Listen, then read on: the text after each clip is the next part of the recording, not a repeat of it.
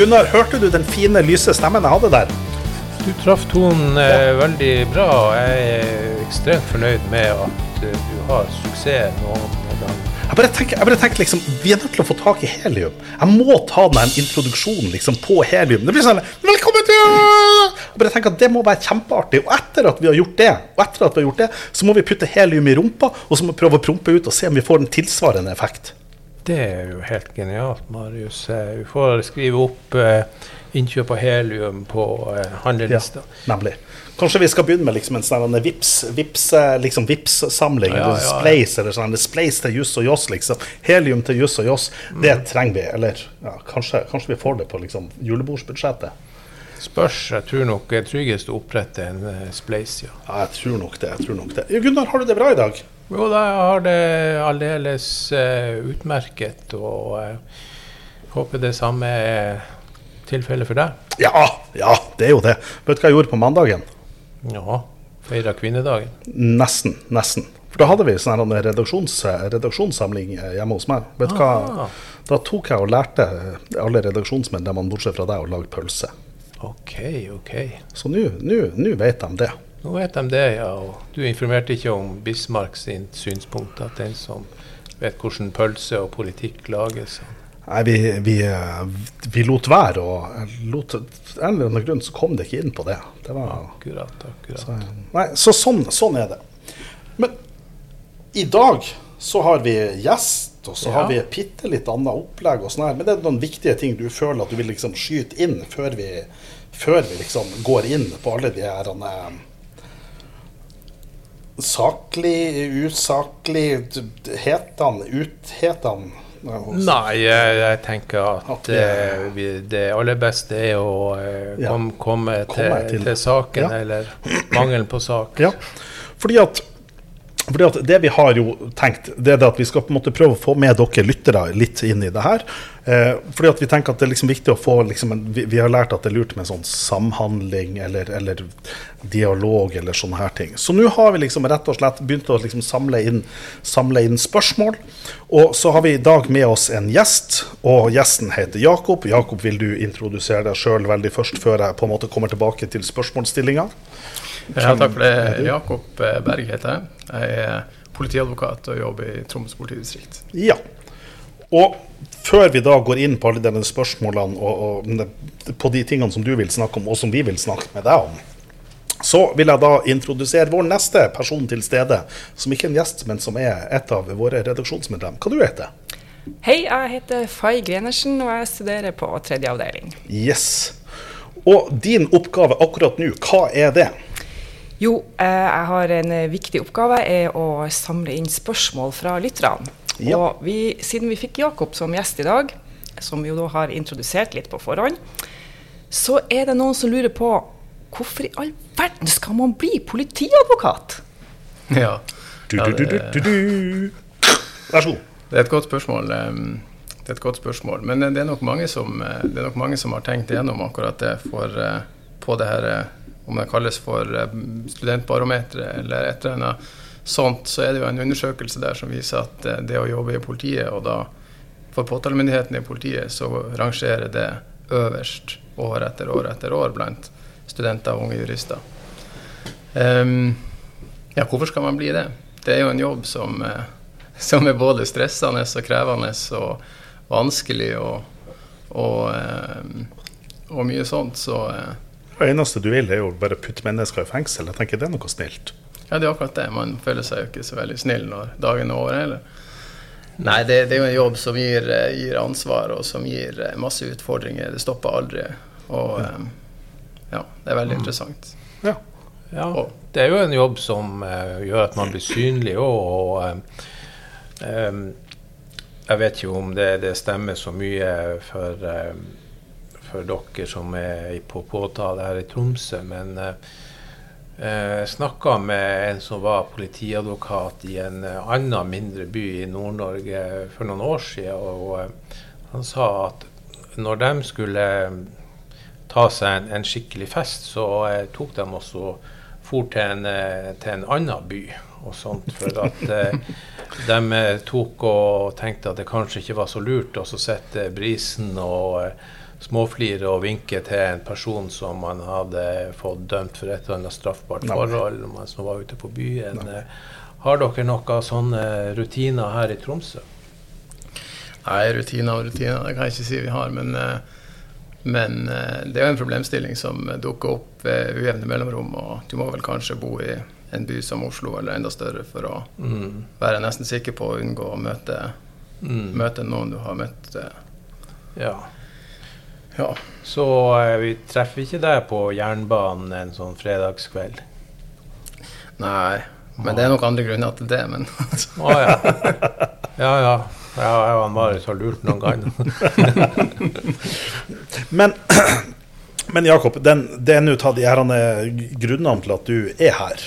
Um, hva er det? Hva er, hva er det er det jeg eller du som skal liksom slippe den store bomba her, eller hvordan? Mm. Nei, du må gjerne slippe bomba, du. Ja. Fordi at, altså Det vi jo har behandla her i noen, noen, ganger, så har vi jo behandla de her dronesakene mm. og sånn her. Um, og, og, på en måte problematisert det.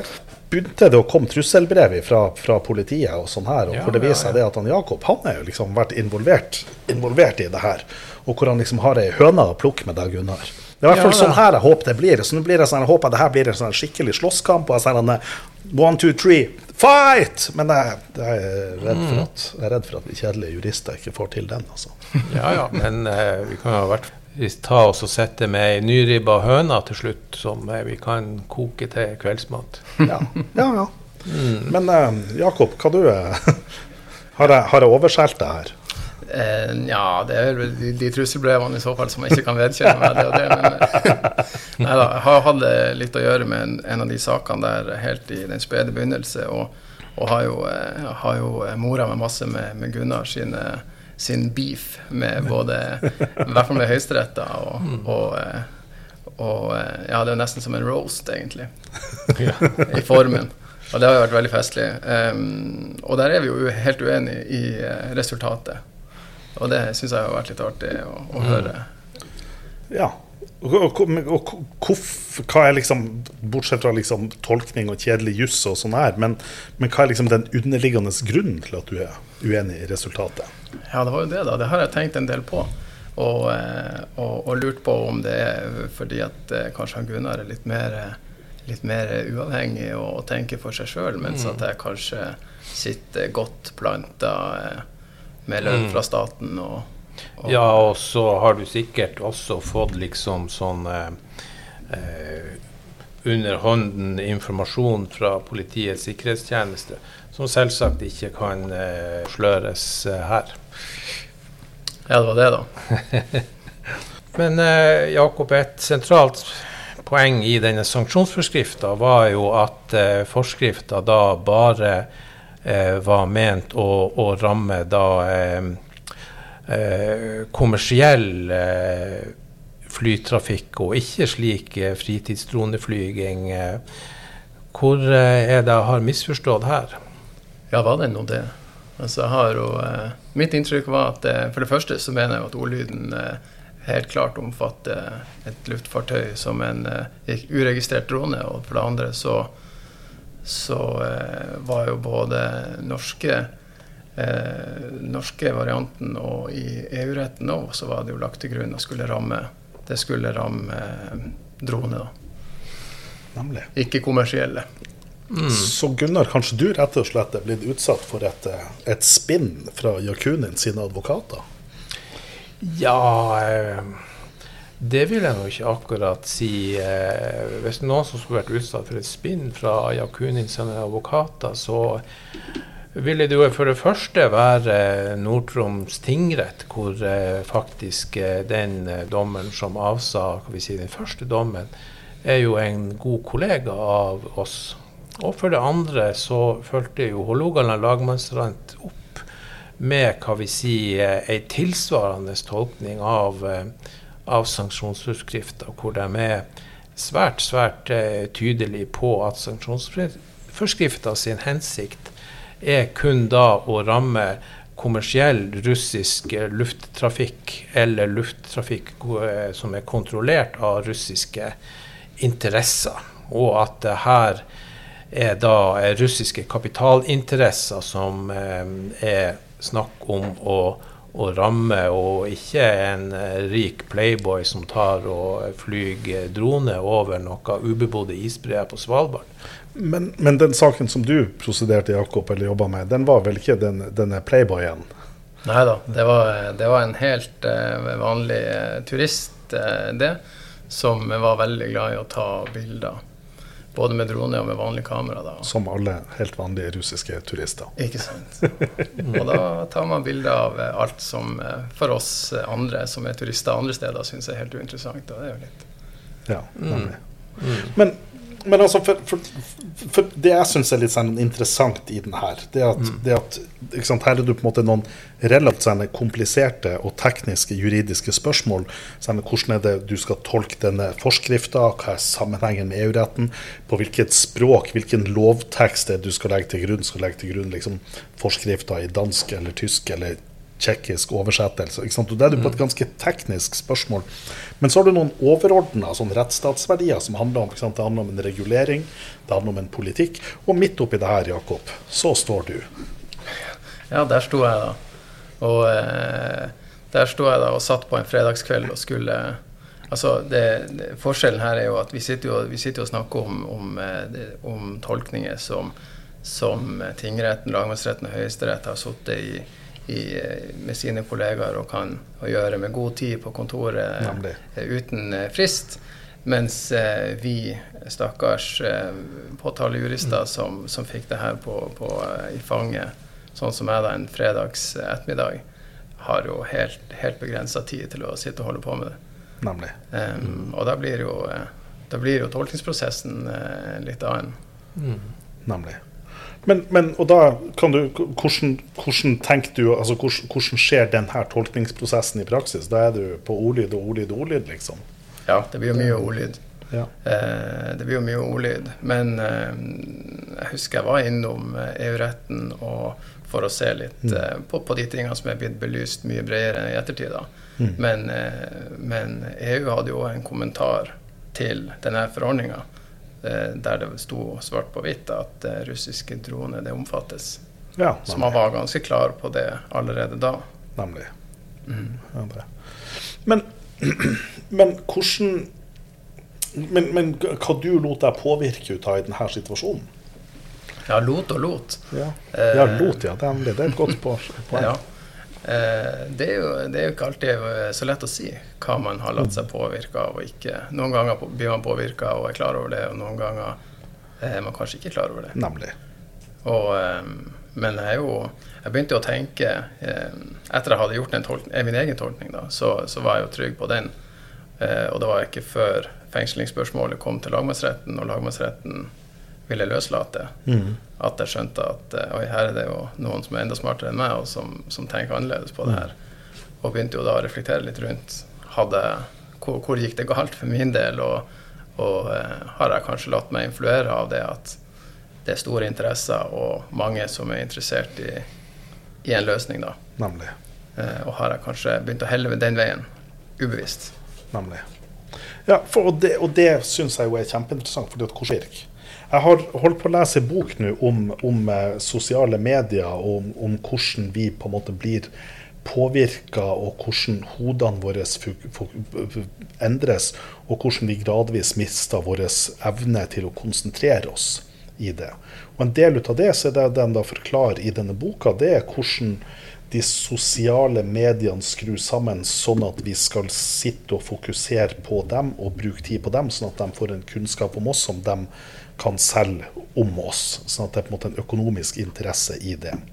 Men da handler jo det om at hva er det man gjør med dette? Jo, man gjør rett og slett en regelrett påvirkning for å styre livene våre. Og så tenker jeg at ja, i hvilken grad er det jeg egentlig tar mine egne bevisste valg, og i hvilken grad er det jeg egentlig styrer meg sjøl. Og så tenker jeg hvis jeg er hos politiet, ja, politiet de har jo en objektivitetsplikt. Og, og, men hvor objektiv kan politiet være? Hvor objektiv er du, Jakob? Ja, det er akkurat det.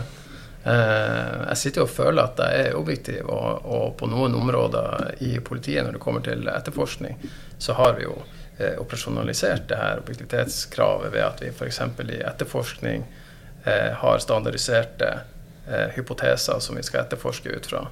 Som da skal f.eks. ivareta det at vi, vi ikke skal ha en ensidig etterforskning der man bare prøver å belyse det som taler for at mistenkte er skyldig, mm. Men også f.eks. Eh, se på alternativer. Mm. At han er uskyldig, eller, eller eh, hvis han f.eks. har en, en, annen forklaring som Selv om den hvis mistenkte forklarer noe som virker helt eh, veldig farfetch, da, mm. så må man jo kanskje vie det litt oppmerksomhet uansett. Nemlig. Nemlig. Eh, og, det, og, og, der tenker jeg at eh, der er vi, der er vi gode. Dere er gode. Har, ja. har blitt gode, eller? Har blitt gode, ja. absolutt. Nemlig. For det er jo, det sant, Da er vi jo på den historikken. For historikken er jo at politiet, som alle andre, på en måte gjør feil. Og, og, i straffeprosessen så har man liksom hatt det inkvisitoriske prinsipp. Og hvor du, noen plasser hvor, hvor, på en måte dommeren er den som leder etterforskning, hvor dommeren på en måte tar disse beslutningene om hva er skrittene i etterforskninga. Mens man i Norge så er det sånn at da har du påtalemyndigheten som leder prinsipielt etterforskning og tar beslutninger i forbindelse med etterforskning, og så er det politiet som gjennomfører det.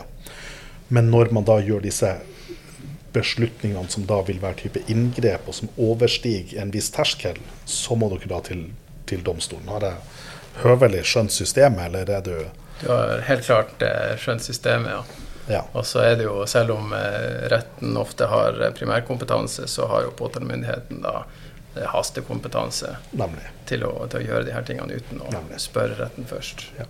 For, for, jeg, leder, jeg veileder en kjempeinteressant masteroppgave her for, for et års, i fjor, forrige studieår. Da er det Spørsmålet der er hvilken grad er det disse psykologiske teoriene blir tatt hensyn til altså psykologisk beslutningsteorier blir tatt hensyn til i straffeprosessen. Um, og hvor det man da gjør i denne oppgaven, det er at man da først på en måte går gjennom disse psykologiske teoriene, beslutningsteorier, og da kaner man, og, men ikke bare tenker fort og langsomt, men også den, den nyeste boka som heter 'Noise', med flere andre. Og så på en måte prøve å beskrive hva er de grunnleggende prinsippene og ideene i de her teoriene, og så er det deretter du på en måte legger det under en analyse i straffeprosessen sine regler, og se på i hvilken grad er straffeprosessen sine regler egnet til å eh, faktisk avklare en, en, sannhet, og til å måte finne det faktisk riktige. Og Der har du jo det at sant, vi har et ideal om objektivitet. Men, men, jeg tror jo ikke på det. Altså Når jeg gjør min forskning, f.eks. når jeg skriver en tekst, så har jeg jo et ideal om objektivitet. Jeg har et ideal om å opplyse teksten fra alle sider, om å på en måte prøve å forstå det på en helhetlig, systematisk måte. Mm, men så skjønner jeg jo at jeg er jo et menneske. Jeg har jo mine egne, kommer jo inn med mine egne verdier og tanker inn i det. Og så tenker jeg ja, sånn jobber jeg med tekstene, og sånn, hvordan er det i politiet? Det samme? Ja, altså det, det, det, er jo det man må jo, man må jo erkjenne at man er forskjellige mennesker, og at man har med seg forskjellig bakgrunn, og, og sånn, og at det i noen grad influerer hvordan du tenker og, og sånn. Men, men, igjen så eh, når du spør om, om hvordan, eh, i hvilken grad eh, straffeprosessloven ivaretar mm. det her, så er det jo ganske, ganske lite. Det er, jo, mm. det er jo en bestemmelse som sier beint ut at vi skal være objektive i, i hele virksomheten, mm. men det er ikke noe mer enn det. Nemlig. Ja. og så er det jo, er jo liksom det av og til stille meg spørsmål liksom, hva blir på en måte funksjonen i den bestemmelsen så tenker jeg jo en, en av funksjonene til bestemmelsen er jo at dommeren da tenker at hvis dommeren er i tvil, ja, hva skal vi gjøre her? Så vil dommeren tenke at okay, politiet, påtalemyndigheten, har en ansvar for en objektivitet. Det betyr at disse dyktige menneskene har vurdert og tenkt at vedkommende er skyldig. Det er derfor vi Det betyr at hvis jeg er usikker på resultatet, så er hvert fall kanskje utgangspunktet at dem som har jobba mer med saken, tilsier det. Og da får jo denne nedfelte objektivitetsplikten en funksjon gjennom at den ikke støtter tiltalte, men at den kommer til tiltaltes ulempe. Mm. Ja, jeg ser hva du mener. Um, og så jeg tenker at det, det, er en måte det kan fungere på. Men så er det jo sånn at en, ingen dommer vil si det, og ingen dommer vil på en måte sette ord på det og si at ja, nei, grunnen til at jeg landa på dette resultatet, var fordi at jeg hadde sånn tillit til politiet. Liksom. Det, jeg tenker det, det, vil man ikke gjøre. Men så er vi jo på underbevisste prosesser her. Så er det spørsmål om hvilken grad det er til stede og har noe å si. Jeg tenker kanskje, Marius, her tar du og du skyter litt mot pianisten her. At det, det, du, det du, beskriver, altså eh, Altså det, det, er et problem for Eller problem er noe som domstol forholder seg til. Et domstol må forholde seg til, ja. Ja. Og eh, eh, politiet, altså påtalemakta, har jo, har jo en, en, en, jobb å gjøre. Mm.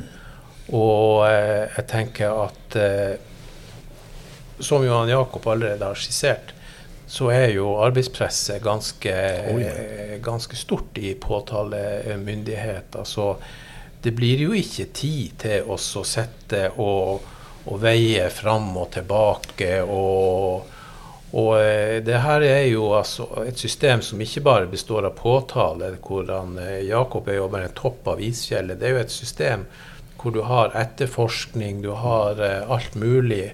Og det er jo litt sånn, sånn going uh, going concern. Og mm. eh, altså her er man jo nødt til å få sakene fram, og det er jo domstolene sin, sin plikt til oss å eh, se at, at, rett skjer. Mm. Og, og, jeg tror at uh, i det øyeblikk vi begynner å tenke tanker som du sier der at eh, dommeren sier å, det er noe som politiet sier. Det.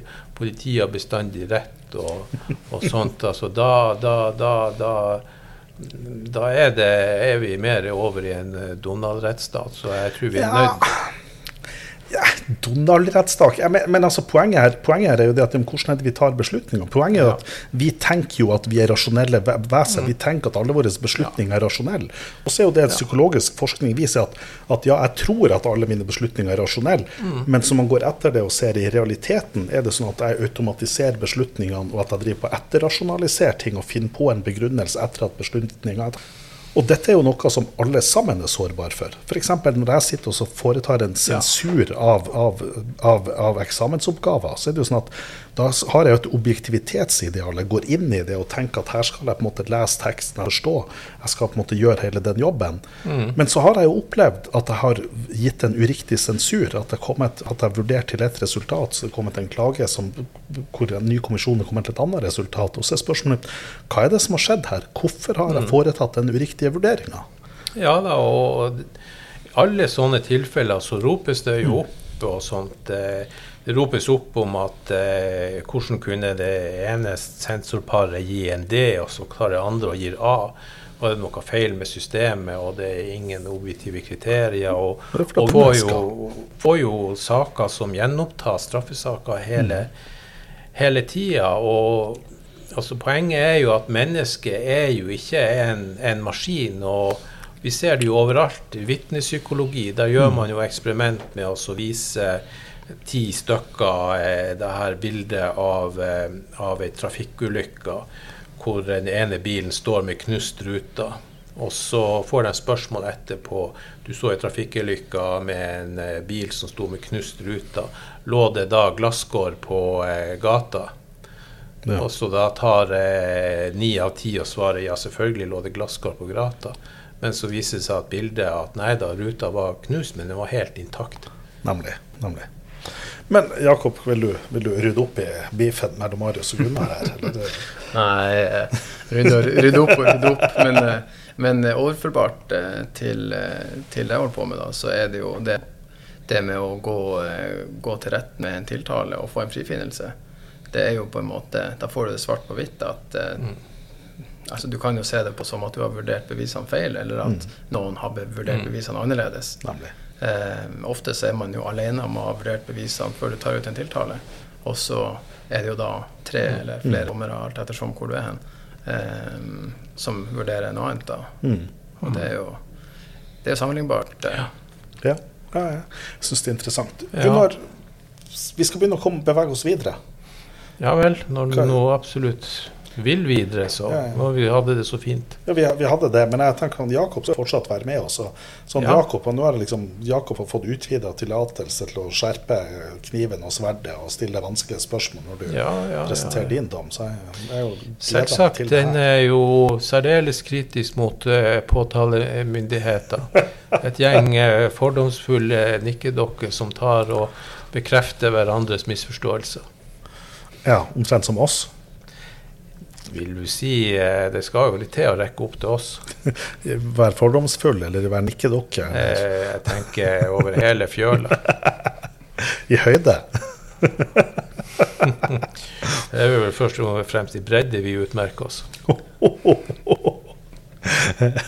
Men OK. Um, ja. Nei, nå skal jeg trykke på liksom applausen der.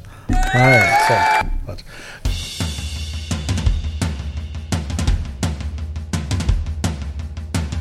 Gunnar, din dom, vær så god. Ja. Eh, I dag så har jeg funnet fram en liten eh, skatt, ikke fra, fra Høyesterett, men fra, fra, fra Oslo eh, byrett. Og ikke Oslo tingrett, men Oslo byrett. Ja, jeg liker å leve i fortida, og den gangen het Oslo byrett, så syns jeg at da, da hadde avgjørelsen større autoritet. Så er det en rett historisk avgjørelse, eller er vi på bare på en, at du henter den eldre autoriteten? Nei da, jeg, jeg tar og ser nå på dommen, og det står faktisk eh, Oslo, Oslo tingrett, ja. Så eh, du, eh, du har rett. Det, Beklager kveruleringa mi. Ja, men det er helt, helt i orden, Marius. Du vet, så når folk blir eldre, så begynner de også å gå i, i, i barndommen og sånt. Så, så da i min barndom så heter det byrett. Ja, så, sånn er det når, eh, når hjernen svinner. Å ja, vi er vel ikke Ja. Nei, eh, det her er en, er en artig sak. Det er sånn etterdønning av Nav-skandalen. Og eh, her er det da eh, to stykker som eh, tok og eh, fikk arbeidsavklaringspenger. Og så for de henholdsvis til Danmark, Spania, Italia og koste seg og mottok arbeidsavklaringspenger. Og det gikk som det gikk. At de ble oppdaga og fikk høre at det ikke spesielt bra og lurt og brudd på vilkårene for arbeidsavklaringspenger. De eh, måtte betale tilbake med rente, pluss at de eh, ble anmeldt. Og eh, som, eh, som følge av det så fikk begge to fengselsstraff i henholdsvis 75 dager på den ene og fem måneder på den andre. Og som det jo står i dommen så vakkert i oktober 2019 opplyste arbeids- og sosialministeren at Nav hadde tolket og praktisert EØS-reglene feil i flere år hva gjaldt ytelsene AAP, sykepenger og pleiepenger. Nav fattet så vedtak om å betale ut AAP som hadde vært ulovlig stanset og blitt krevd tilbakebetalt. Deretter så ble straffesakene eh, gjenopptatt for alle de som eh, tok og eh, eh, var fengsla. Og Høyesterett altså en, eh, en, eh, i en av sakene en eh, prins, prinsippdom i storkammer med konklusjon om at trygdemyndighetenes eh, praktisering av regelverket hadde vært i strid med EØS-regelverket. Ja, og de her to, la oss kalle dem A og B, han som satt 75 75 dager fikk 100 000, og han eh, med fem måneder for eh, fengsel fikk 150 000 for uh, uberettiget straffeforfølgning i medhold av straffeprosesslovens 447 tredje ledd. Ja. Som noe han Jakob kjenner veldig godt. Nemlig. Kan det utenat. Han kan det uten at eh, sånne bumerangsaker kommer sånn på annenhver sak han Jakob har aktorert. Nei da, det var bare en spøk. Men eh, Men, men eh, Så, men altså, hvis jeg forstår det, altså, dette er en sak som kommer opp Altså, vi er på en måte etter Nav-skandalen. Vi er etter Nav-skandalen, og de eh, ble frikjent og fikk oppreisningserstatning. Ja. Men de var ikke fornøyd med det. Oh, ja, nemlig. Så de her tar da ut et De tar ut ei ny stevning Ja. Med påstand om oppreisningserstatning for uberetta straffeforfølging Ah. og brudd på EMK. Eventuelt ev- Ja. Stemmer det, artikkel 13 om erstatning. Eventuelt med hjemmel i skadeserstatningsloven. Eventuelt med hjemmel i organansvaret. Nemlig. Nemlig. Nemlig. Nå, nå, nå Nå, nå, begynner vi å liksom kvesse til spørsmålet. nå begynner vi å kvesse til spørsmålet. Her har du Nav-skandalens offer. De er på hevntokt. De har eh, samla seg i eh, vikingskip med øks og pil og bue og Men hadde disse karene sona i fengsel? Hadde de gjort? De hadde, de hadde done the hard time, begge to. Nemlig. Nice, nice. Ja, men da Så rett de gjør, tenker jeg. Ja. Ja. ja. Ja da. men jeg tror du de når fram, da? Og det er, det er litt sånn magefølelsen min her. Den, eh, den sier jo det at her her mener jeg jo det at de har veldig mange gode grunner til å nå fram, men jeg er slett ikke sikker på resultatet. Så jeg, nå er litt spent, altså. Ja. Eh, jeg har jo alltid latt meg fascinere av eh, altså norsk rett, norsk rett, justisvesen og rettsanvendelses forhold til folkerett, internasjonal rett. Ja. At den, eh, den er jo litt sånn eh, Det er som en sånn atopisk eksem. Sånn, du, kan, du kan smøre og smøre, men det blir aldri, det blir aldri bra. Nemlig. Nemlig.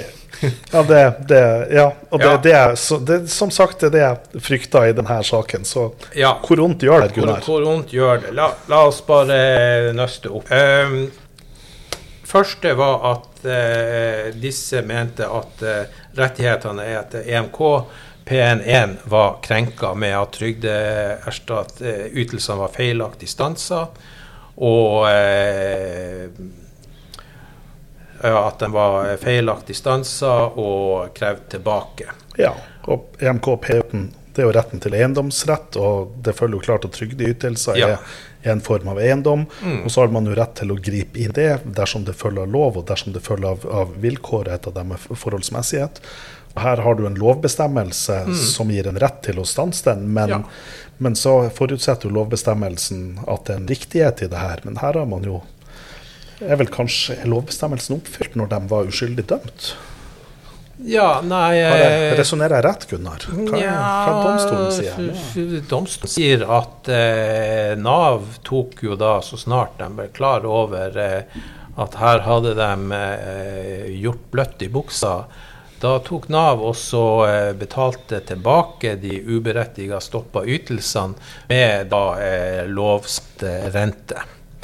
Så eh, da sier jo eh, tingretten her at eh, ja, da er EMK P1 var krenka, men med Nav sin etterfølgende tilbakebetaling, så er krenkelsen reparert. Ja, det, det er et i utgangspunktet tenker jeg det, det, det aksepterer jeg. Ja. For det, det er jo et spørsmål om du skal ha liksom en egen reparasjon for en krenkelse av P1. Og så tenker jeg at ja, men her har man Ja. betalt tilbake, og så kan jo da spørsmålet ja, hvor- hvordan økonomisk tap er det de fikk som en følge ut av det, og da er vi kanskje på en om skal ha en ytterligere erstatning for et Ja. annet økonomisk tap, eller et ikke-økonomisk tap som følge ut av det, men det tenker jeg vi blendes vel inn i det andre. ja, ja. Men, men foreløpig så, så følger jeg. So far, uh, so good. Um, Er du, er du Jakob, henger du med? Er du, er du Jeg skal akkurat si 'so far so good', jeg òg, Ja, men Gunnar sa det, så ja, stjålet ja eh, kommentaren? gjenoppretning etter skadeserstatningsloven. eh, Så når du har eh, et annet eh, rettsgrunnlag for gjenoppretting, så, så er jo det eh, eh, korser å, å komme med. Så det tar jo å, å, å, å strande på, på, på det. Ja. Eh, dommen, altså retten, kommer da likevel da til at eh, EMK artikkel 5, 6, 7 og 8 var krenka med straffeforfølgninga. ja.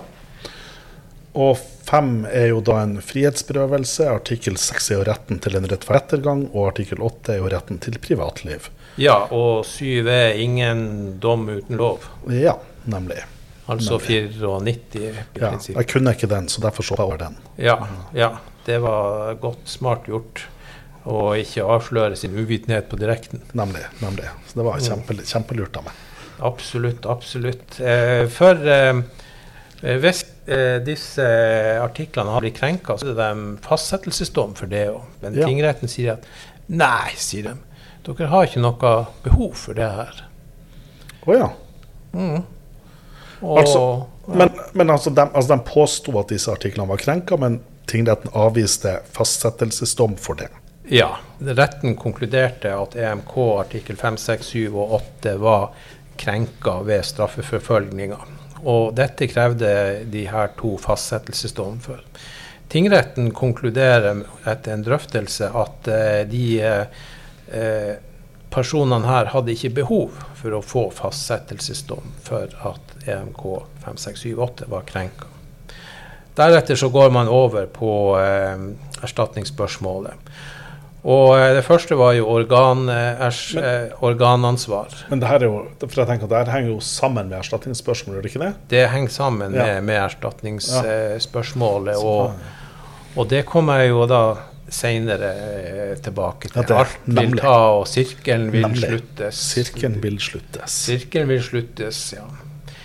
Eh, organansvar etter skadeserstatningsloven. Her eh, blir staten da frifunnet. Og retten legger til grunn og har kommet til at det ikke er bevist at noen i personkretsen som kan pådra organansvar i Nav, har handla forsettlig eller grovt uaktsomt, som er Ja. vilkår. Nemlig skyldkravet. Ja, skyldkravet går de på. Og så deretter eh, går de over på det mer sånn eh, vage statsansvaret eh, i EU, EØS-retten. og også her tar eh, ting og, og koker bort i, i kålen. Man finner ikke ut at eh, det kan ilegges noe eh, statsansvar. Og så eh, eh, Når det gjelder EMK, så, så er jo 5, 6 og, og 7 eh, er jo alle dekka av altså eh, denne saken om uberettiget straffeforfølgning som, som allerede eh, har vært, og som eh, også er en del av denne saken etter norsk eh, rett. Ja, Men Så- da har de fått en, en, en oppreisningserstatning etter denne Ja. om uberettiget straffeforfølgning. Stemmer, stemmer, stemmer det. Så, så det som retten sitter igjen med, er om bruddet på EMK artikkel 8, jf. artikkel 13, kan eh, tilsi at det gis ei særskilt gjenopprettingserstatning. Og det tar eh, retten og kommer til at eh, det, det ikke er grunnlag til. Her tar man og sammenligner med tidligere, tidligere praksis og finner ut at, eh, at denne her krenkelsen som eh, skjedde med disse trygdeytelsene, blir litt for far-fetched for eh, eh, terskelen for krenkelse av eh, artikkel 8. Men det som derimot skjer, det er at tingretten mener at i den første saken så var utmålinga av gjenopprettingserstatning etter straffeprosesslovens paragraf 447 altfor lav. Nemlig. Det var jeg satt her og brente på akkurat Det er det du sitter og bre- ser, at du har tatt og blåst deg opp som en, en mørk sky der borte og lurer på hva slags bullshit er det her. Hvem er idiot Gunnar eller Oslo tingrett? Svaret er selvfølgelig i hvert fall ikke meg, og neppe Oslo tingrett. Eh, heller eh, riktig å frifinne seg sjøl raskt og smertefritt. Men eh, både A og B blir tilkjent da en oppreisningserstatning på 900 000 kroner hver. 900 000, faktisk. Ja, nemlig. Interessant. Så em, slik eh, tar denne Og- sagaen ende. Og, Og hjemmelen for den oppreisningserstatninga Straffeprosessloven 447, Nemlig. som er da ei, ei, ei, ei slik eh, oppreisningserstatning for uberettiget Og da får de 900 000 i tillegg til sakskostnader. Eh, ja, så sakskostnader her eh, er det jo eh, er det jo eh, Altså, de får jo dekt sine, sine advokatutgifter. Ja, det kommer i se. tillegg til det til 900. Ja, Ja. de har eh, Det står bare at de har nådd frem med sine høy, høyere, Ja. Høyere, høyere Yes. krav. Og eh, eh, Ja. staten, har, staten har ikke lagt inn krav om dekning her, men retten mener at saken er dels vunnet, dels tapt, Og da vil jo da normalt bli det deling, men staten har eh, naturlig nok ikke lagt inn noe krav om dekning av eh, saksomkostninger her. Så summa summarum så eh, ja, det, det, ender lykkelig. De her to Nav-ofrene får 900 000 hver, og da begynner det å ligne ei brukbart plaster på, på, såret. Men det morsomme her er jo da at, eh, at retten tar jo på en måte å, å betale seg ut av eh, forholdet til folkeretten og internasjonal Nemlig. rett Nemlig. med å si at hei, hei, se her er det her er det lottolørdag eh, med hjemmel i straffeloven fra 447. Og det er, jo, det er, jo, i tråd med den lederen hun Ragnhild Noer skrev i forrige utgave av Lov og rett. Mm. For da skriver hun jo Eller var det Lov og rett? Eller var det Det var Lov og rett. Det var lov og rett, ja. ja for da skriver jo hun at at liksom, når du får det spørsmålene for domstolene, og du har valget mellom det hun da kaller en rammeregel, mm. og det som da er den nasjonale regelen, så mener hun det at da bør vi i større grad på en måte bruke den nasjonale regelen, og i mindre mm. grad en rammeregel. Mm. Det er klart, og, og, det er jo da i tråd med det her, for her vil man jo da si at ok, de har kanskje krav på en oppreisningserstatning etter rammeregelen, ja. men ved å da bruke den nasjonale regelen, ser man da opp med det. Helt klart. Det er noe vi må ta på ramme alvor. Jakob, har du et innspill på, på, det her, eller er det erstatningsretten er det, er det utafor komfortsona? Ja, det for det første så er det utafor komfortsona. Eh, og for det andre så, eh, så, det jeg sitter igjen med, er egentlig bare prøve liksom å, å veie opp fem måneder i fengsel mot 900 000 på konto. Eh, I tillegg til alt det som ikke kan måles, altså stigma og, mm. og selvfølelse og, og, hele den prosessen der, da. Eh, bare det, bare det, å være tiltalt i en straffesak og gå gjennom hele den mølla og så bli dømt, det tenker jeg er, en, eh, det er sannsynligvis en langt større belastning mm. enn man kan uh, både forestille seg og måle i penger. Mm. Så, uh, mm. Det er veldig godt sagt. vi har jo ikke hatt anledning til å gå inn i alle detaljer her, men i hvert fall for den ene av de to tiltalte som tok kan vi si, det fengselsoppholdet og, og medførte da eh, varig psykisk skade. Nemlig. Da, da. Altså, men jeg syns det her er kjempeinteressant. Men det eneste som var liksom min, min Altså jeg tenker at det, det, er på en måte et sånt bevisst valg fra domstolene. At man på en måte prøver å altså Metodisk er det kjempeinteressant med at man da går inn og bruker den nasjonale retten. Men så syns jeg det er litt rart akkurat det spørsmålet om EMK artikkel 5. At, at, man på en måte at man sier at man ikke har behov for en krenkelse. For jeg tenker at i, Sånn som jeg forstår EMK artikkel 5, så sier den jo at liksom, den som er blitt utsatt for en frihetsberøvelse som ikke er according to law, eh, da, er, da vil det være en krenkelse. Så blir det nokså åpenbart for meg at jeg her har vært utsatt for en frihetsberøvelse, at det ikke har vært according to law. Og så tenker jeg at det at det å da få konstatert at det er en krenkelse Jeg syns det er veldig rart at de, at de på en måte at, at, fem, at de ikke slår fast at 5-1 er krenka. Men samtidig så tenker jeg at, at i forhold til EMK artikkel 5 nummer 5, som da, er, som da sier at den som har blitt utsatt for denne frihetsberøvelse, ulovlig frihetsberøvelsen, har krav på en erstatning så tenker jeg at da vil jo den være tilfredsstilt gjennom den regelen i straffeprosessloven 447, eller hva det var du sa det var for noe sånt. Og dermed så vil det ikke måtte være behov for en, å konstatere en 5-5-krenkelse. Men tenk at det er jo likevel en 5-1-krenkelse. Men samtidig så er det jo spørsmål ok, men de har jo allerede fått en oppreisning. Det er blitt slått fast at det er en ulovlig frihetsberøvelse etter denne, etter denne her forskrifta. Så er det spørsmålet, ja. Mm, mm. Men skal du, skal du, da si at fordi at det er en ulovlig frihetsberøvelse etter nasjonalrett, skal vi da si at deres menneskerett ikke er krenka? Og det syns jeg blir litt søkt. Ja, du kan jo si det sånn, altså um, uh, Dommen har ei, ei oppsummering, og, og, den er ganske knapp. Ja. Og, og, i den så det sentrale i den er, jeg siterer, i forbindelse med straffeforfølgning ble deres rettigheter etter EMK artikkel 5, 6, 7 og 8 og Grunnlovens paragraf 94 krenket. Ja, okay. Dette er kompensert, komma, i den grad det er mulig ved frifinnelsene, erkjennelsen fra staten at dette var feil, og oppreisningen etter straffeprosessloven. Ja, ok, ja, men da, da, da, ja. da aksepterer jeg. Og da er det spørsmål om man da har krav på en erstatning for det i tillegg. Og da tenker jeg, da, ja. da, henger, det, da ja. henger, det, sammen. Da aksepterer jeg da aksepterer jeg også den. den. Ja, men Bra, Gunnar. Mm. Um, jeg bare tenk på det, Vi behandla en tidligere dom på, på Juss og Joss, en, en dom fra Menneskerettsdomstolen fra 2016.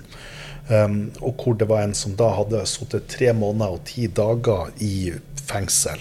Um, mm. altså, og Det var en sak fra Sveits hvor han hadde hatt en dom, og så var dommen blitt overført til en slags forvaring. Og så hadde man på en måte ikke klart å ordne den overføringa til forvaring. sånn at Han satt tre måneder, og ti dager uten et rettslig grunnlag før den forvaringa ble lovlig anerkjent. Det er jo som er interessant med den dommen, det at dette var jo da en legitim eh, forvaring. Altså Det var en legitim frihetsberøvelse, men det mangla en, en, legalitet.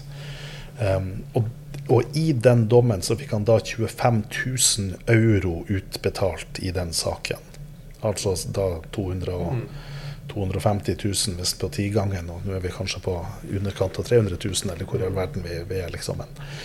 Men, men også, og i denne dommen som du beskriver, så har vi jo da to personer, vi er på 900 000, så, og så har det jo gått noen år her. så så jeg tenker at i forhold til de ut, erstatningsutmålingene fra EMK, nei fra EMD på frihetsberøvelse, så er vi kanskje ikke så langt ifra.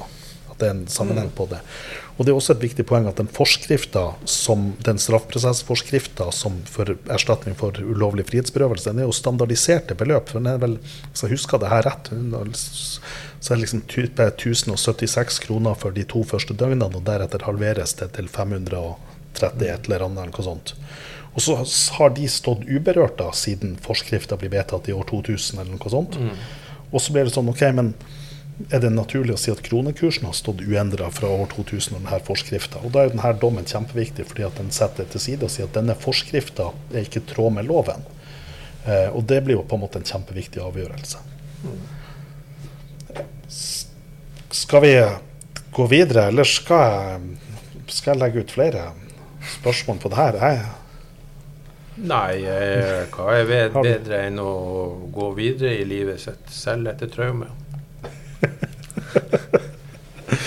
Mitt eller ditt traume, eller, eller Nav sitt traume, eller? Ja, nei, det Traumer treffer jo alle før eller seinere, så eh, det spiller jo ingen stor kasserolle, som han sa, kokken.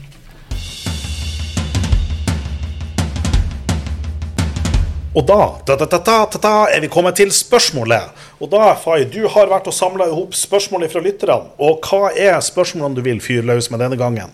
Og jeg gjør lytterne oppmerksom på at vi er han Gunnar vi er og han Jakob. Vi aner ikke hva spørsmålene kommer. Og la oss håpe han Jakob har et bedre svar enn meg og Gunnar. Vær så god. Fay. Det første spørsmålet er hvilken frisør bruker Gunnar? Det andre spørsmålet er kan dere i god juridisk ånd ordlydstolke Joss? Ja, Gunnar, jeg tror begge spørsmålene var til deg. Eller Jakob, tar du Joss-spørsmålet, eller? Um jeg kunne nesten tenkt meg å prøve å gjette på hvilken frisør han bruker, men jeg skal, jeg, skal, jeg skal, ikke gjøre det. Jeg skal ikke gjøre det. Ja, Gunnar. Frisør, nå er vi spent. Nei, eh, det, det, frisør eh, Jeg tar mye av det meg sjøl, for at eh, jeg har en sånn nervøs lidelse. Så når håret blir langt, så bruker jeg å tygge på det. Så, så du kan si at sånn hårlengden er sjølregulerende. sjølregulerende. og så ellers, hvis det blir for langt, så bruker jeg jo eh, da å, å, høre litt på sånn 80-tallsmusikk. Og eh, særlig på ei gruppe som heter Haircut 100. Sånn. Du har hørt litt på den, så kommer bestandig litt mer velfrisert ut. Ja, ja, nemlig. Så det ordner seg sjøl på en måte? Det ordner seg sjøl. Det høres fantastisk ut, nesten som den Donald-episoden om selvskrevne poteter. Men det er sånn det skjer. Ja. Men hvis vi da skal gjennom ordlydsfortolkninga Joss, mm. så er, sant, er, vi jo liksom på jazz. Jo, vi har, har, liksom tenkt at vi burde ha liksom en Det er jo en dommer i lagmannsretten som heter Jussi. Så jeg har mm. liksom mange ganger tenkt at vi burde ha liksom en juss og joss med Jussi om jazz. Um, mm. men, men, hva i all verden er Joss, liksom? Det er, for jeg tenker bare, altså, det av og til treffer søringer. De skjønner ikke helt hva Joss er. Ja, ja, det er jo Jeg tenker hvis du nå skal prøve å ha et sånn seriøst bein i kroppen og, og gå på litt sånne epidemiolog, ep, ep, etymologiske, så, så, um, så har vi et annet ord for, uh, for, for, for prat, eller uh, småprat på, på, nordnorsk, og det er jo det er jorr. Jorr, ja. ja. At uh, det er liksom prat om alt og ingenting og sånt. Ja. og og eh, jeg tror kanskje at, at Joss er en sånn eh, derivat av det. At, eh, at hvis noe, det her pratet blir veldig useriøst, så går det fra Jørr til Joss. Ja, ja, det, er, det er interessant etymologisk. Så Joss er da eh, prat som har blitt useriøst? Ja, det kan man trygt, trygt si. Så her har vi nok mye å gå i oss sjøl på.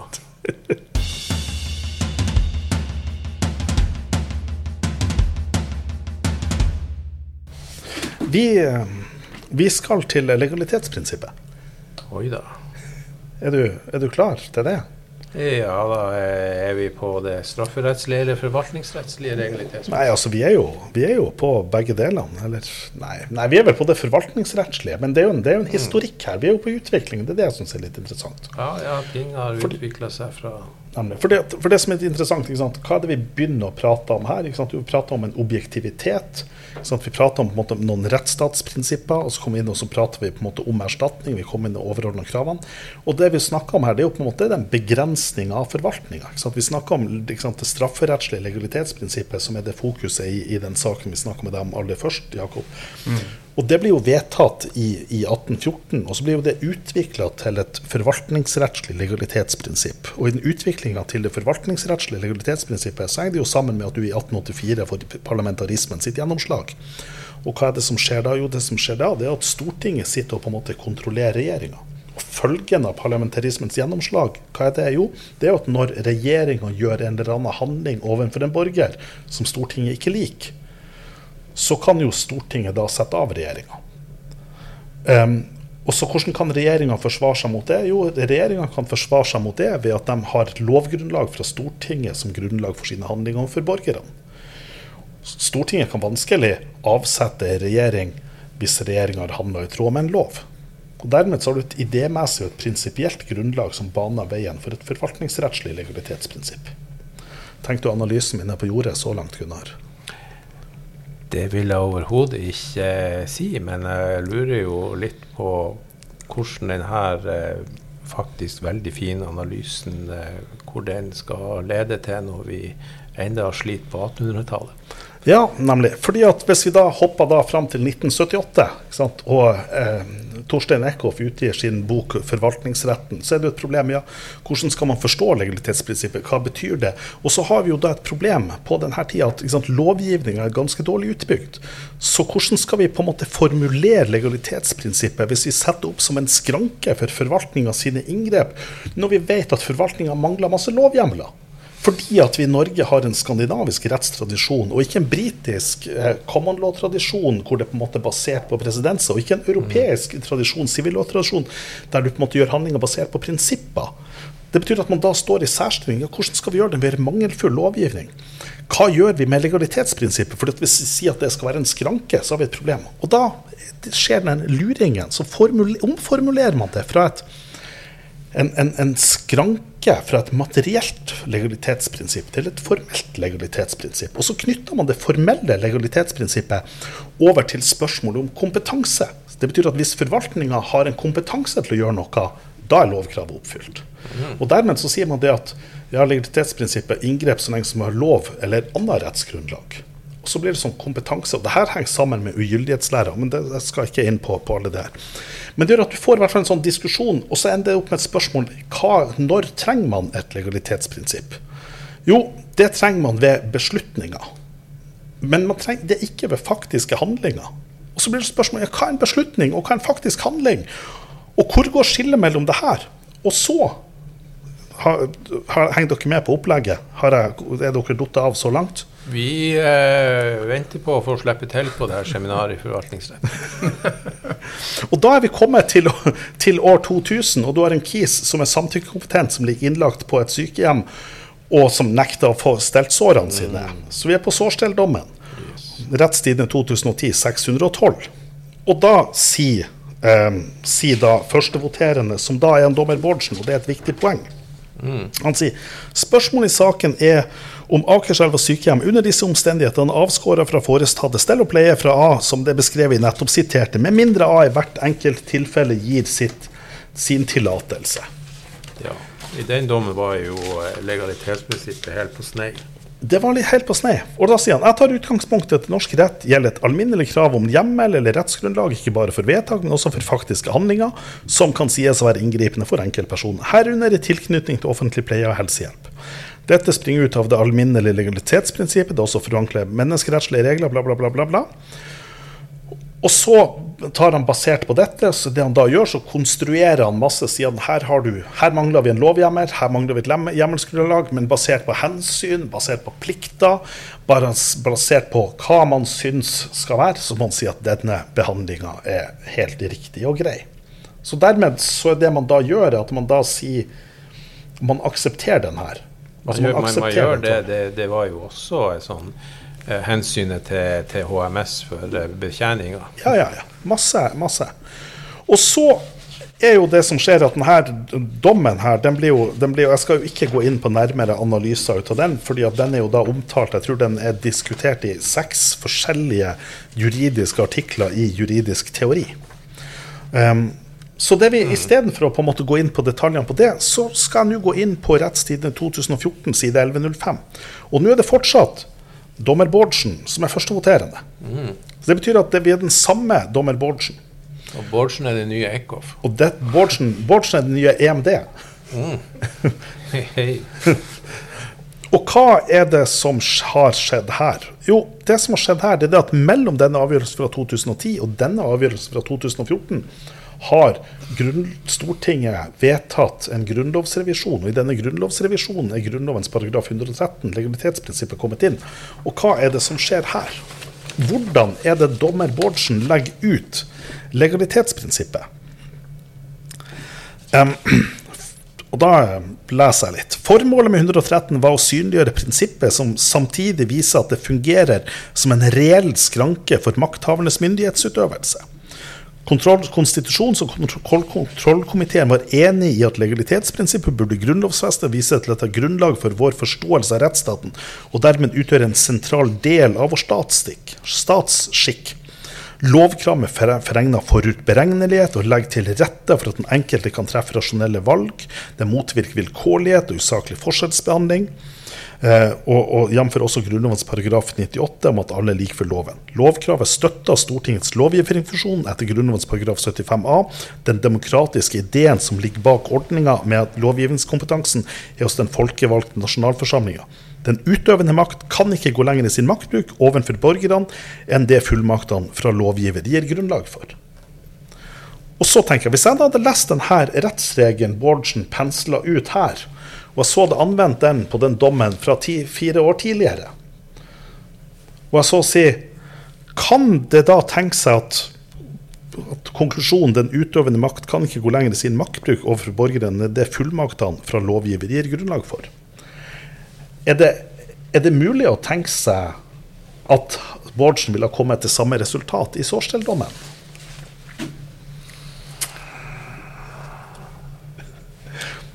Og det ble stille. Det ble stille. Ja, jeg tenker det, han ville kommet til samme resultat, for at eh, eh, dommer reiser jo ikke i tid. Ja, ja, ja. OK. ok. La oss, eh, la oss si at eh, dommer Bårdsen hadde fått det samme faktumet uka etter Ja, ja. her eh, 2014-dommen. Da må vi vel konstatere at dommer Bårdsen burde skamme seg. Og dommer Bårdsen burde ta, også takke ja til vår rause forespørsel om å stille opp i denne podkasten og svare for seg. Ja, det, det er jeg helt enig i. Men det, jeg har eh, sendt henvendelser til dommer Bårdsen og fikk beskjed fra hans sekretær om at han dessverre ikke hadde tid. Så jeg syns det, det var skuffende. Så, mm. Men min, min analyse og min forståelse jeg, jeg får ikke disse to rettsreglene til å henge sammen. Når man vedtok Grunnlovens paragraf 113, så sier man at det skal være en skranke, men det skal ikke gjøre noe sånn vesentlig endring. Men jeg tenker at denne dommen viser at det har skjedd en endring. Og når vi da ser på den utviklinga, da har jeg henta fram den nyeste dommen, den 2021-dommen, som da viser til Blom fiskeoppdrett eh, fra 2018. Så dette er da den nyeste oppdateringa. Um, om tolkningsstormen etter Grunnlovens paragraf 113 bla, bla, bla. Ordly, lovens ordlyd må stå sentralt. Fremmer videre at tolkningstvil må løses ut fra som best i samsvar med en avveining av samtlige rettskildefaktorer som sikrer tilstrekkelig klarhet og forutsigbarhet for borgerne. De kvalitative krav til lovhjemmelen innebærer at loven må være tilgjengelig for alle og så presis som forholdene tillater. Mm. På området for det forvaltningsrettslige regularitetsprisipp utgjør lo lovens ordlyd ikke bare den sentrale forvaltningsfaktoren, men den danner også rammen for regelfortolkninga. Mm. Siden vi liksom er på, ja. på ramma. Ja, men det her er jo Det her eh, tenker jeg at det eneste riktige måten å se på det her, det er som en dreining i, um, i Høyesteretts uh, praksis. Eh, det er jo litt asynkront, men eh, vi hadde jo på det strafferettslige legalitetsprinsippet så hadde vi jo en voldsom utvikling fra denne passbåtdommen, mm. hvor denne her eh, fulle snekkeren var fører av skip i tjeneste. Yes.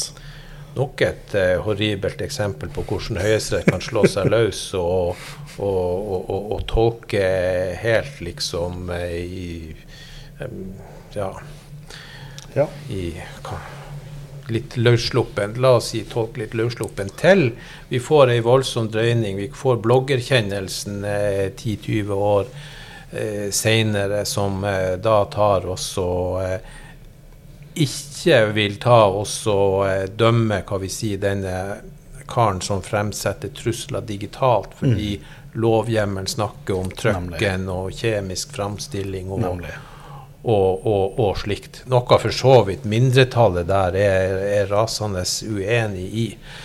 Så eh, kanskje det her er tilsvarende utvikling på altså, forvaltningsrettens eh, område. Det som jo gjør at resonnementet tar kanskje også sprekk litt, er jo da at sårstelldommen kommer hva vi sier, så lang tid etter passbåt, mm. den der passbåtdommen. Men, men, det er klart, men passbåtdommen er jo på en måte, de er jo på det strafferettslige legalitetsprinsippet. Mm. Og så har du på en måte utvikling dette, dette, er jo et annet legalitetsprinsipp, mm. og dette er jo en annen utvikling. Ja, det, det, det er jo eh, Det er jo helt uh, klart, klart det. Men men men, men, jeg tenker at en av de store utfordringene i forhold til legalitetsprinsippet, sånn som jeg leser litteraturen og, og praksis, og sånn, så er det et av problemene her er at, er at, det er veldig mye av de her sakene som handler om altså plan- og bygningsrett. Altså at noen skal bygge ut et eller annet, og hva er det som skjer da? Jo, de, bygger, altså de søker om, om et eller annet tiltak, og så kommer noen og på en måte gir dem det tiltaket og så kan de, eller ikke gir dem det tiltaket, og så kan de krangle på det og ta det opp til domstolene. Skal de bygge, eller skal de ikke bygge? Og så kommer da en beslutning som det er en endelig beslutning, og så bygges det basert på den endelige beslutninga. Mm. Men så er problemet i forhold til legalitetsprinsippet jo når du da kommer til de faktiske handlingene. Ja, ja. Når du da får sant, denne grensa mellom de faktiske handlingene. Fordi at hva er det som skjer med det vanlige når du tenker plan- og bygningsrett? Jo, da er resultatet er jo en ugyldighet. Og når du tenker at resultatet er en ugyldighet, så er jo det sentrale det at hva er det vi skal vurdere? Jo, Du skal vurdere ugyldighet av hva? Ugyldighet av handlinger eller ugyldighet av beslutninger? Jo, det er ugyldighet av beslutninger. Mm. Og hvor er det jeg vikler oss inn nå, Gunnar? Nå Skal vi til Trøndelag? Vi skal til Trøndelag! Oh. Vi skal til Trøndelag, vi skal til Fosen. For hva er det som skjer i Fosen? Det som skjer i Fosen, det som skjer i Fosen, er at det søkes om en utbygging for noen vindturbiner og den beslutninga for den prosessen, den går ikke jeg gjennom. Den får du først en endelig avgjørelse på den beslutninga på de vindturbinene fra Høyesteretts avgjørelse i 2021. I løpet av den tida som går før det, så har du ikke en endelig beslutning. Men hva som skjer da? Jo, man forskutterer at hva beslutninga blir, og gjennomføre noen faktiske handlinger. Og de faktiske handlingene som gjennomføres før det, det er å bygge opp noen vindturbiner. Så man bygger opp noen vindturbiner uten et rettslig grunnlag. Og når saken kommer opp til Høyesterett, hva er det Høyesterett tar stilling til da? Jo, Høyesterett tar stilling til en ugyldighet av et vedtak. En gyldighet til ugyldighet. Men de tar ikke stilling til den faktiske handlinga som er utført. Omtrent som i Sørsdal-dommen, eller omtrent som den psykiatriske pasienten som blir ulovlig eh, utsatt for en elektrosjokkbehandling. Så klager den den i spørsmålet inn. Så kan kontrollkommisjonen ta stilling og si at ja, det var en ugyldig beslutning. Men hva hjelper det personen at det er en ugyldig beslutning, når beslutninga er gjennomført? Hva hjelper det samene på Fosen at Høyesterett sier at det er en ugyldig beslutning? Hva er det dette viser? Jo, det viser at den modellen vi har laga til i forvaltningsretten, som handler om at du har en beslutning, og beslutninga møtes med en ugyldighet, det fungerer fint så lenge som du kan skille deg fra den praktiske handlinga. Når vi kobler på de praktiske handlingene, eller faktiske handlingene, eller faktiske inngrepshandlinger, og du blander det inn i det spillet, så utfordrer det hele den modellen man har laga til i mm. forvaltningsretten, der beslutninger og ugyldighet møtes med kompetanse. Og Det er jo dette som har vært Eivind Smith sin modell. Mm. Eivind Smith sin modell har jo vært at vi skal snakke om kompetanse. Og hvorfor skal man gjøre det? Jo, det er fordi at man knytter det til beslutningene.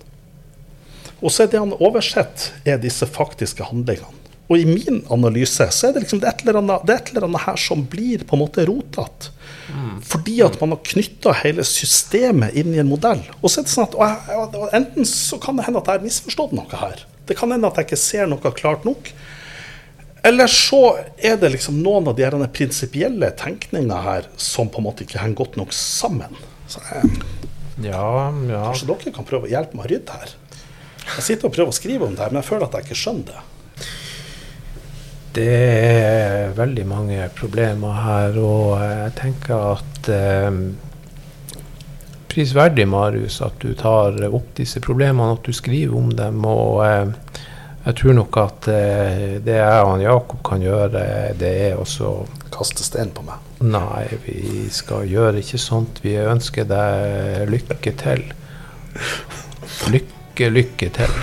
Det vi kan gjøre, er å konstatere at oppfølginga av denne dommen er jo et sår som må stelles. Og kanskje noen må skride til verket der.